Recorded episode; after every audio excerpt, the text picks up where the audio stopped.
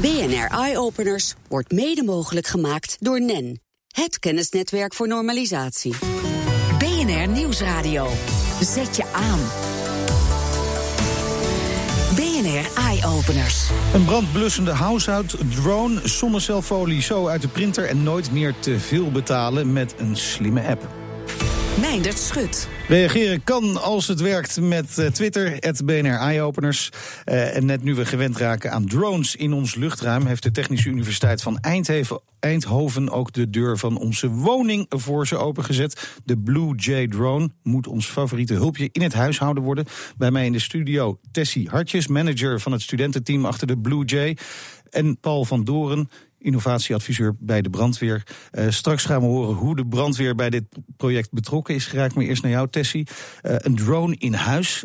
Toen ik dat hoorde, dacht ik eerst: ja, is dat nou wel zo handig? Hè? Dat ding met al die rotoren eraan. Hoe hebben jullie moeten aanpassen om hem toch een beetje handzaam te maken in een huis? Ja, dat klopt. Op dit moment klinkt het nog wel een beetje eng. Uh, een van de dingen die we dus ook sowieso gaan doen is, uh, de, zijn de rotoren afschermen. Dus er komt een kap omheen. Uh, ook aan de boven- en aan de onderkant. er moet natuurlijk nog wel lucht doorheen kunnen. Maar de bedoeling is dat je niet met je vingers bij de rotoren kan. Ja, dan is er nog iets anders met drones. Ze maken namelijk over het algemeen enorm veel herrie. Ik, bij de gedachte dat dat de hele tijd om mijn hoofd heen dwarrelt word ik al een beetje gek. Ja, dat klopt. Wij willen ook, in die zin vinden wij dat uh, technologie moet zeg maar ter beschikking staan als je het nodig hebt, maar anders niet. Dus uh, onze drone wordt in die zin intelligent en autonoom dat je hem kan oproepen van wanneer je hem nodig hebt en uh, anders is hij gewoon lekker aan het opladen. Ah, Oké, okay. hij zweeft dus niet gewoon nee. stand-by nee. door het huis ergens om te kijken of hij ergens kan helpen. Wat moet hij allemaal gaan kunnen? Waar gaat hij bij helpen? Uh, nou, we zetten in op best wel veel verschillende dingen. En um, uh, ja, wat ik al zei, hij moet autonoom zijn. Uh, mm-hmm. Je ziet natuurlijk wel eens dat drones crashen. En vaak wordt dat veroorzaakt doordat mensen hem besturen met een radiocontrole en ze verliezen het contact. Of de mensen die aan het besturen zijn, zijn gewoon een beetje roekeloos. nou ja, dus hij moet zichzelf kunnen regelen in die ja. zin. En dat betekent dat hij dus ook objecten moet gaan kunnen ontwijken, herkennen. Ja, maar, maar hij moet dus ook veel intelligenter zijn dan een reguliere ja, drone. Ja, veel, veel intelligenter. Ja. Ja, ja. Hij moet, die is hij eigenlijk moet echt, helemaal niet intelligent. Nee, die is eigenlijk, eigenlijk een beetje doofstom. Ja. Uh, hij, kan wel, hij kan zien, zeg maar, dus er hangt alleen een camera onder. Maar die van ons moet echt uh, kunnen begrijpen waar hij is de dingen om zich heen kunnen begrijpen en dus ook zelfstandig uh, van A naar B kunnen verplaatsen zonder ergens tegenaan te vliegen. Maar moet die, die kennis allemaal in die drone zelf zitten? Moet daar dus gewoon een computer in zitten? Of ja, kan dus, dat ook op ja. afstand? Nou ja, er zitten, zoals het nu is, uh, zit er inderdaad een soort boordcomputertje op de drone zelf. En ja, we zijn net begonnen, we zijn in september begonnen en we moeten in april een demo geven. Dus een deel van de verwerking van alle sensoren die wij erop stoppen, dat gaat, wordt doorgestuurd naar een ground station. Mm-hmm. En daar komt dan een soort feedback uit okay. en beslissing. Maar de belangrijkste dingen, zoals bijvoorbeeld inderdaad active safety, dat hij nergens tegenaan vliegt, uh, wat gebeurt allemaal op de drone zelf ja. nu. En nou zijn we net gewend geraakt een beetje aan de drones in de lucht. Hè? De, dat zei ik net al. We zijn net ook al een beetje gewend geraakt aan het idee van robots in huis. Dat we die misschien in de toekomst wel gaan krijgen. Zeker bij uh, hulpbehoevende mensen. Waarom een drone? Waarom niet gewoon een, robot? Hè? Wat kan deze drone eigenlijk meer dan een robot zou kunnen?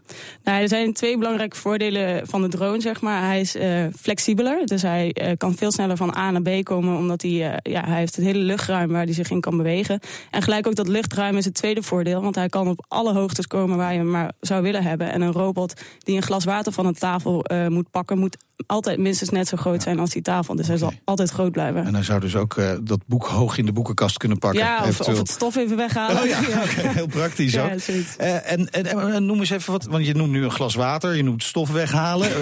wat zou die, waar denk je allemaal aan wat die drone zou moeten kunnen?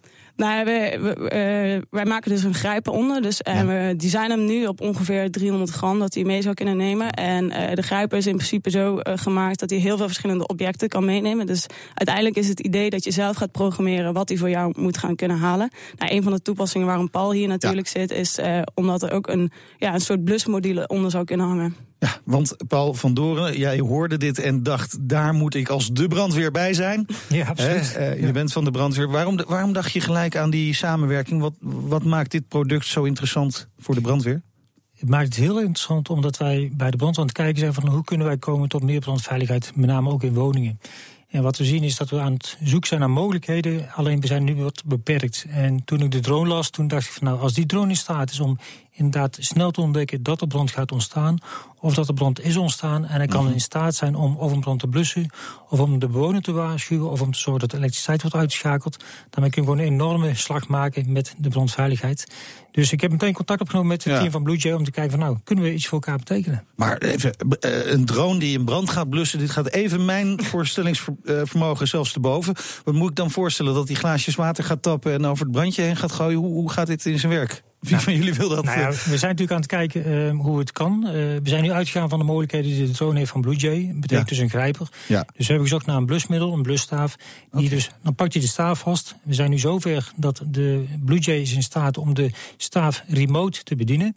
En daarmee kan hij dus op het moment dat hij de brand detecteert... en hij kan door middel van infrarood, de warmtedetectoren, kan oh, zien waar de brand is kan hij dus die staaf activeren en daarmee komt de blusstof eruit. En kan hij dus ook die brand gaan blussen. Maar dit gaat, dit gaat om een vlam in de pan bijvoorbeeld? Het gaat om een vlam in de pan, ja. Maar, maar het is ook geen water waar die mee blussen. Nee, het is aerosol. Dus als ja, je dat is misschien ook verstandiger. Ja, ja, ja, precies. Ja. Ja. en het belangrijke is, en dat is net wat Tessie zegt... en daarom hebben we ook zoveel interesse... dat um, omdat die drone autonoom is en in huis is... Uh, kan hij dus gewoon echt heel veel betekenen. En dan gaat het met name over detecteren. Het grote voordeel van deze drone is dat die autonoom is... en daarmee dus ook software kan hebben en ook sensoren je dus kan ontdekken van... hey, wordt het in de kamer wat warmer dan normaal? Uh, is er iets aan de hand? Uh, kan ik de rookmelding doen? Maar ook uh, op het moment dat ik een camera aanhang... kan ik daarmee mensen die buiten zijn informeren wat er aan de hand is. Of er inderdaad iemand in een woning is die misschien nog gered moet worden. Er zitten heel veel mogelijkheden aan. Uh, nou ja, daar maken we heel erg graag gebruik van. Vooral dus ook als er brand uitbreekt. Bijvoorbeeld als er niemand thuis is om uh, het uh, te blussen. Ja, nou ja, dat, hij, kan, hij kan het blussen, hij kan detecteren. En, hoe snel en hij, hij kan, ook de brandweer signaleren. Hij kan de brandweer signaleren. Op het moment dat je een kamer onderhangt... kunnen we even buitenaf kijken van wat er binnen aan de hand is. Maar nog belangrijker is dat hij natuurlijk met name informeert... op het moment dat er iemand in huis is. Want we zien gewoon dat uh, mensen wonen steeds langer thuis, uh, worden daardoor ouder, worden daardoor minder mobiel, zijn minder snel kunnen reageren en dan kan zo'n drone echt bijdragen. Heel kort nog, dit moet in de praktijk allemaal nog blijken natuurlijk, maar mm. wat zijn de verwachten? Uh, want de brandweer rukt nu ook vaak uit voor brandjes die eigenlijk er niet zijn, mm -hmm. hè, valsmeldingen. kan dat drastisch omlaag worden gebracht? Nou, de valsmelding waar we op uitdrukken zijn met name op automatiesystemen. En deze drone heeft toch eigenlijk vooral bedoeld aan de voorkant okay. om het voorkomen van brand. Goed. Um, Tessie, uh, ja, tot slot nog, wanneer ligt hij in de winkel? En uh, wat moeten we er dan voor betalen, weet je dat wel? Nou ja, in de winkel uh, zal die voorlopig nog niet liggen. Maar de eerste demo van ons staat gepland uh, eind april, 22, 23, 24 april... op het universiteitsterrein van de TU Eindhoven. Dan vieren wij ons lustrum, dan zetten wij een dronecafé. 60 jaar, hè? Ja, 60 jaar. lekker jong nog. en dan zetten wij een dronecafé neer, dus dat is een andere toepassing. dus dan kun je hem live in action zien. En ja, voorlopig is het een studententraject dat echt ja. het onderzoek en het onderwijs combineert. Uh, maar wie weet, uh, over vijf of tien jaar ligt hij, uh, of staat hij bij je thuis. Ja, ja, ik zag al een filmpje waarin hij een biertje op een tafel neerzette. Ja, ja, zeker. Typisch studenten. Bedankt Tessie Hartjes en Paul van Doren voor jullie komst naar de studio. BNR Nieuwsradio. BNR Eye Openers. Een brug, een flat, een auto inpakken met een speciaal folie dat zonne-energie opwekt. Dat opent perspectieven. Bij onderzoeksinstituut Soliens hebben ze een eh, machine ontwikkeld die het kan maken. Verslaggever Elfanie Toulaar die ging kijken in het laboratorium op de Eindhovense High-Tech Campus. Dit is onze pilotfaciliteit. Hier is onze roll-afdeling, dus dit zijn folie. Dit is dus een nieuwe. Ja. Kunnen we er omheen lopen? Kunnen we omheen lopen. Ja. Van den Heuvel van Soliens. We lopen nu door een grote hal. En hier staat de roll-to-roll machine. Wat rolt hier vanaf? Ja, hier rolt uh, dus folie uh, van, van en op de machine. En dit is in dit geval folie voor uh, flexibele zonnepanelen. Wacht, het is een gigantische nu, machine met ja. een heleboel hendels, metalen kisten. Ik kan er nog niet veel meer over zeggen. Hoe, hoe, omschrijf je dit? Ja, het is inderdaad een uniek apparaat. je kijkt hier tegen de achterkant van de machine aan. Dit zijn drogers. Dit zijn hete luchtdrogers die heel schoon zijn. Het is compleet gasdicht, dus het kan in een beschermde omgeving zijn, bijvoorbeeld stikstof. Of hier kan ook met hoge oplosmiddelen concentraties gewerkt worden. Dus veilig, we zijn hier gewoon veilig, maar hier binnen is een hele andere omgeving. Iets minder veilig. Uh, maar dit is typisch een omgeving die je niet in een hele schone ruimte wil hebben. Dus vandaar dat je achter deze drogers een wand ziet staan en daarachter zit een cleanroom. Mm -hmm. En daar bevindt zich eigenlijk het coatinggedeelte van de machine. En om die coating gaat het? En het gaat inderdaad om die coating, want het zijn dus actieve materialen die op die folie aangebracht worden. Hele dunne lagen, dat gaat om veel minder dan de dikte van een haar. Die uiteindelijk het licht omzetten in elektrische stroom. Zo maken we een zonnecel. En wat we proberen is hier als het ware een zonnecel te maken zoals in een drukkerij een krant gedrukt wordt. Dus we beginnen met inderdaad een rolfolie. Daar worden die laagjes op gezet en we eindigen weer met de rolfolie die uiteindelijk verwerkt kan worden tot zonnecellen. Ja, en dan krijg je dus inderdaad een folie uh, wat zonne-energie kan opwekken. Um, hoe zou je dat kunnen toepassen? Ja, waar zou je het niet kunnen toepassen, zou je kunnen zeggen. Dus als wij om ons heen kijken, eh, buiten op straat, dan is daar zoveel oppervlakte beschikbaar die energie kan opwekken, die vandaag niet gebruikt wordt. Dus dat is de Holy Grail die wij zien. We maken een soort van impactfolie, waarmee we onze huizen, onze gebouwen, de kantoren, zelfs doorzichtige ruimtes, dus zeg maar eh, glas, de ramen, gaan, eh, gaan voorzien van een laagje waar energie mee opgewekt wordt. Kan ook op je auto. Denk aan je, eh, de mobiele elektronica, de iPad en de iPhone en dergelijke, die wat minder vaak of misschien wel in de toekomst helemaal niet aan het stopcontact hoeven om van energie te worden voorzien. Het moet geïntegreerd worden in de bouw. Dat vergt nogal een omslag. Is die al aanstaande? Ja, daar praten we al heel lang over. Ik ben zelf zeg maar, in deze rol van directeur Solines één jaar actief nu. Dus voor mij is het allemaal niet een grijs gedraaide plaat. Maar er zijn al mensen die praten hier al twintig jaar over. Toch hebben we met z'n allen het gevoel dat het steeds dichterbij komt. De gemeente Amsterdam gaat de komende jaren 50.000 nieuwe woningen bouwen. Uh, als u dat hoort, dan gaat uw hart sneller kloppen natuurlijk. Ja, de kansen liggen inderdaad heel sterk in de woningbouw, dat klopt. En daarom praten we ook met bedrijven die geïnteresseerd zijn om daarvoor actieve bouwmaterialen te gaan ontwikkelen. Dus wij praten dan ook eigenlijk niet meer over zonnecellen, maar over bouwmaterialen die uh, actief worden. Dat zijn gewoon gevelelementen of dakelementen die een extra functie krijgen, namelijk energie opwekken. Maar ze moeten nog steeds het huis warm en eh, droog houden.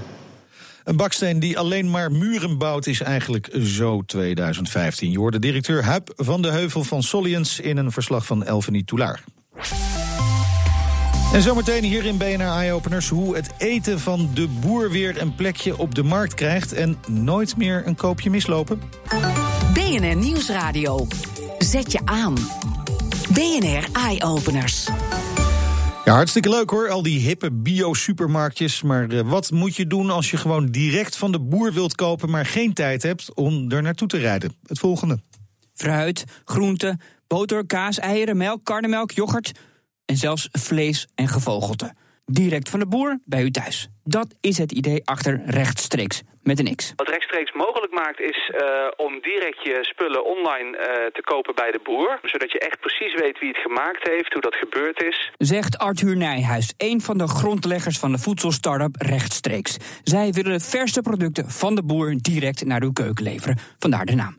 Het concept dat ze hiervoor hebben bedacht is naar eigen zeggen uniek. Uh, wij zorgen er dan voor dat die spullen in de wijk belanden. Daar zit in het model van Rechtstreeks zit daar een wijkchef. En die runt eigenlijk een soort streekwinkel. Dat is echt een compleet uh, vernieuwend uh, businessmodel. Waarbij die wijkchef uh, een eigen ondernemer is en een eigen winkeltje runt. Dan zorgt het rechtstreeks ervoor dat die producten worden opgehaald. En de wijkchef zorgt dat die producten dan weer terechtkomen bij die mensen in de wijk. Dat klinkt allemaal als goed nieuws voor de consument. De vraag is of boeren er ook wat aan hebben. Het verdienmodel zit zo in elkaar dat, dat de boer hier een heel stuk beter van wordt. Want die krijgt echt een hele goede prijs voor zijn producten. Het is nu zo dat elke euro die de consument uitgeeft, daarvan komt ruim 60% bij de boer terecht. De wijkchef is een eigen ondernemer en uh, werkt ook met een marge. Dus die verkoopt producten en verdient daar geld op. Dat is nog nooit eerder zo gedaan. En daarin zijn we wel um, nog aan het doorontwikkelen dat die wijkchef daar straks ook echt een modaal inkomen uit kan halen. Dit zou dus zomaar een win-win-win situatie kunnen zijn. Voor zowel boer, de wijkchef als tussenpersoon en voor als koper. Dat positieve verhaal valt blijkbaar op, want rechtstreeks is inmiddels beloond met meerdere prijzen. De aardig onderwegprijs bijvoorbeeld, waardoor ze nu een leuke uitstap aan het maken zijn. Maarten en ik zijn op dit moment in uh, San Francisco. Uh, wij bezoeken hier de uh, Sustainable Foods Summit. Dat is een jaarlijkse hele grote voedselbeurs waar allerlei gave sprekers en workshops plaatsvinden. Allemaal leuk en aardig, een tripje naar San Francisco. Het haalt het alleen niet bij de recente duw in de rug van mede-ondernemers. Vorige week zijn wij als winnaar uit de bus gekomen in het Investment Ready Program van de Impact Hub Stichting Doen en Hivels. En ehm, ja, we hebben daar een, een, een, programma gevolgd waarin we heel veel hebben geleerd over hoe je je bedrijf moet inrichten. wat due diligence inhoudt, wat neerkomt op een boekenonderzoek, hoe zitten je cijfers in elkaar. En het, ja, het unieke en het leuke van het programma is ook dat je dat met andere ondernemers doet en dat je continu in elkaars bedrijven meekijkt. En de winnaar die wordt gekozen doordat we elkaar scoren op een twintigtal onderdelen. En uiteindelijk heeft de, de score in de laatste module die heeft ertoe geleid dat wij er als beste uit naar voren kwamen en de winnaar zijn geworden dit jaar. Dat was Arthur Nijhuis van Rechtstreeks met een X in een bijdrage van Jorn Lucas. Meindert Schut. Stel, je hebt een nieuwe camera gekocht en je ziet hem de volgende dag ergens anders voor de helft van de prijs. Dat is misschien wel heel veel, maar uh, het gebeurt. En dat hoeft met de Yellowback app niet meer te gebeuren. Welkom in de studio, Paul Alen. Uh, Paul, wat kunnen jullie betekenen voor koopjesjagers? Uh, ten eerste, wat is die app? Welke app is het? Ja, Yellowback is een online shopping app waarmee je heel eenvoudig alle favoriete producten die jij graag online wilt kopen, kunt opslaan. En vervolgens checken wij uh, dagelijks of die producten goedkoper worden. En zo ja, dan krijg je van ons een appje. Uh, waardoor jij gewoon veel tijd en geld bespaart. Want die camera die krijg je dan inderdaad voor 40 of 50 procent okay. korting met een beetje. Even heel actueel, uh, over anderhalve maand is het voorjaarsvakantie ongeveer. Dan gaat ja. iedereen weer skiën zo'n beetje. Ja. dus als je skikleding wil kopen en je downloadt eerst die app... dan kun je je favoriete skikleren kun je daar invoeren. Ja. En dan garandeer jij dat ik de laagste prijs kan krijgen. Nou, daar komt het uh, in het kort wel op neer. Uh, uiteindelijk, wat je gewoon ziet als je op dit moment gewoon uh, gaat shoppen en je wilt een paar handschoenen hebben of die skihelm, ja. dan kun je naar een prijsvergelijker toe gaan bijvoorbeeld. En dat zal ongetwijfeld een paar euro schelen hoor, of een paar tientjes wellicht. Ja. Alleen wij weten dat je pas echt kunt besparen wanneer iets in een actie komt of in de sale gaat. Oké. Uh, nou, door dat dagelijks te checken, uh, wat wij voor jou dus doen, uh, dan krijg je een appje met uiteindelijk de aanbieding te zien. Okay. Dat je hem goedkoop dat, dat is dus eigenlijk het verschil met de prijsvergelijkers die we kennen al op internet. Ja, de prijsvergelijkers kijk je gewoon echt op dit moment. Ja. En bij ons is het meer een uitgestelde aankoop die jij wilt gaan doen. dus je hebt dan ook echt anderhalve maand de tijd om te zoeken naar de beste aanbieding voor jou. Ja, slimme, slimme internetkopers die kijken ook altijd naar actiecodes. Hè. Die gaan eerst even kijken ja. welke actiecodes. Nemen jullie die ook allemaal mee? Nee, dat is wel een idee okay. wat we in de toekomst willen gaan oppakken. Uh, maar dan krijg je eigenlijk korting op korting. Dat is natuurlijk helemaal mooi. Uh, dan heb je je skibroek straks bijna niks. Ja, dat is wel de bedoeling. Ja. ja. Maar goed, dat, dat zit nog in de ontwikkeling dus. Uh, even vraag je een klein beetje de diepte in over de software. Want hoe werkt die? Want je je moet wel echt al die gegevens hebben. Ja, het is best wel bizar veel data waar het om gaat. Uh, maar om het proces heel even uh, te, te, schetsen. Uh, jij gaat via je telefoon uiteindelijk naar onze app toe. Je hebt daar een skibroek gezien, die sla je op. En wij gaan vervolgens dagelijks kijken of die dus goedkoper wordt. Daarvoor ja, maar dat laat je die... software doen, neem ik aan. Je gaat precies, niet zelf overal al die sites langs Nee, correct. maar het is best wel een kunst om uiteindelijk al die websites waar consumenten producten van opslaan, om die gewoon op een juiste manier uit te lezen. Dus dat we daar de prijs goed van kunnen destilleren. Ja. Die vervolgens in onze uh, app opslaan. Uh, en vervolgens dus, uh, die moeten we gaan checken. waar we eigenlijk wel tegenaan liepen, zodat het best wel bizar is. als je wereldwijd alle webshops wilt gaan checken, dat ja. er ook een hele hoop uitzonderingen zijn. Want als er een aanbieding is voor jouw skibroek, dan zie je een keer de prijs ervoor staan, een streep er doorheen, afgeprijsd, een plaatje. dat was wel een hele challenge voor ons ja. om dat ook echt geautomatiseerd te kunnen doen. Uh, wat we nu zien is dat we echt minimaal 95% van alle prijzen van elke shop wereldwijd goed kunnen uitlezen. Dus, ja. De app is nog niet zo heel bekend. Hoeveel gebruikers hebben jullie al? Ja, we zijn in uh, april, mei zijn we gestart met onze beta-lancering. Ja. En dat hebben we gedaan met 10.000 gebruikers. Het is wel erg leuk om te zien dat we sinds die tijd eigenlijk al uh, bijna 100.000 price drops hebben gehad. Dus 100.000 ja. producten die dus goedkoper zijn geworden. En de maand december was echt bizar. Want een derde van de producten die is ook gewoon echt goedkoper geworden. Met een uh, gemiddelde prijsdaling van 23 procent. Dus uh, nou ja, het loont de moeite. Het loont de moeite. En dan nog heel kort, uh, hoe ziet jullie eigenlijk verdienmodel eruit? Ja, wij krijgen een kickback fee van aangesloten shops. En wat we nu zien is dat we op 60% van de aankopen een, een kickback fee krijgen. dus daar verdienen we elke keer een paar procent mee van de aankoop die een consument doet. Dankjewel voor je komst naar de studio. Paul Alen van Yellowbag. BNR Nieuwsradio. Eye-openers. De Innovatiehub. Wat doet de rest van de wereld op innovatiegebied? Wat zijn de trends in het buitenland? Deze week vragen we het aan innovatieadviseur Anouk van der Steen in China. Hoe is bij jullie het innovatieklimaat? China kijkt uh, eigenlijk op uh, dezelfde manier naar innovatie zoals, uh, zoals wij dat in Nederland doen. het wordt gezien als the next step voor het creëren van economische groei en werkgelegenheid in de toekomst.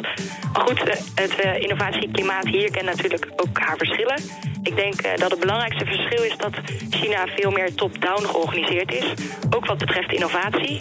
De Chinese overheid formuleert eigenlijk specifieke doelen met betrekking tot innovatie en legt daarvoor de verantwoordelijkheid, inclusief grote investeringen, die, uh, die overigens nog elk jaar toenemen bij, uh, bij organisaties. En het zijn met name de high-tech parken en science parken die deze verantwoordelijkheid krijgen. Welke spraakmakende innovaties zie je in jouw omgeving? China heeft eigenlijk veel verschillende ontwikkelingen waar men uh, nu zogezegd trots op is. Uh, bijvoorbeeld op het gebied van e-commerce gebeurt er veel. Uh, maar ook dat er op dit moment een gigantische radiotelescoop wordt gebouwd. Of op het grootste hoge snelheidsnetwerk ter wereld. Om de link een beetje met, met Nederland te leggen kan het interessant zijn om te kijken naar mogelijke innovatiesamenwerking op het gebied van smart shipping. Uh, vorige maand is er door onze attaché een seminar georganiseerd waarbij met verschillende Nederlandse en Chinese partijen is bediscussieerd wat de toekomst van Nederland en China moet zijn op het gebied van uh, maritiem. We denken dat Nederland daar een passende partner in zou zijn. De, tevens ook door een link te leggen met de semiconductorindustrie, uh, automotive, transport en ook warehousing. Wat kan Nederland hiervan leren? Wat met het afgelopen jaar met name is opgevallen is dat men hier veel meer open staat voor veranderingen. En dat innovatie ook snellere stappen kan maken. Bijvoorbeeld op het gebied van e-commerce en betalingen zijn er afgelopen jaren grote stappen gezet. Beginnend van het gebruik van geld via bankpassen naar de huidige trend om eigenlijk van alles via, via mobiel te betalen. Andersom uh, denk ik dat het uh, unique selling point van Nederland op het gebied van, van innovatie het open karakter is. Verschillende partijen die eigenlijk makkelijker samenkomen. Dus hier zit iets meer, jij werkt op een bepaald onderzoeksvlak en iemand anders werkt op een ander onderzoeksvlak. En meer ingedeeld in een bepaalde sectoren, onderzoeksinteresses. Terwijl in Nederland denk ik eerder verschillende partijen bij elkaar proberen te, vinden. Om op die manier van elkaar ook heel veel te leren en, uh, en een, een volgende stap te zetten. En dat was Anouk van der Steen, innovatieattaché in China voor het ministerie van Economische Zaken. Een uitgebreide versie van het gesprek en meer informatie over het innovatieattaché-netwerk vind je op bnr.nl slash eyeopeners. En daar uh, word je ook op de hoogte gehouden van andere innovaties met impact. Tot zover deze uitzending op Twitter. Vind je ons via BNR Eyeopeners. En heb je zelf iets leuks gezien of bedacht? Stuur dan een mail naar eyeopeners.bnr.nl. Tot volgende week. Terugluisteren? Ook dit programma vind je terug in de BNR-app. BNR Eyeopeners wordt mede mogelijk gemaakt door NEN. Het kennisnetwerk voor normalisatie.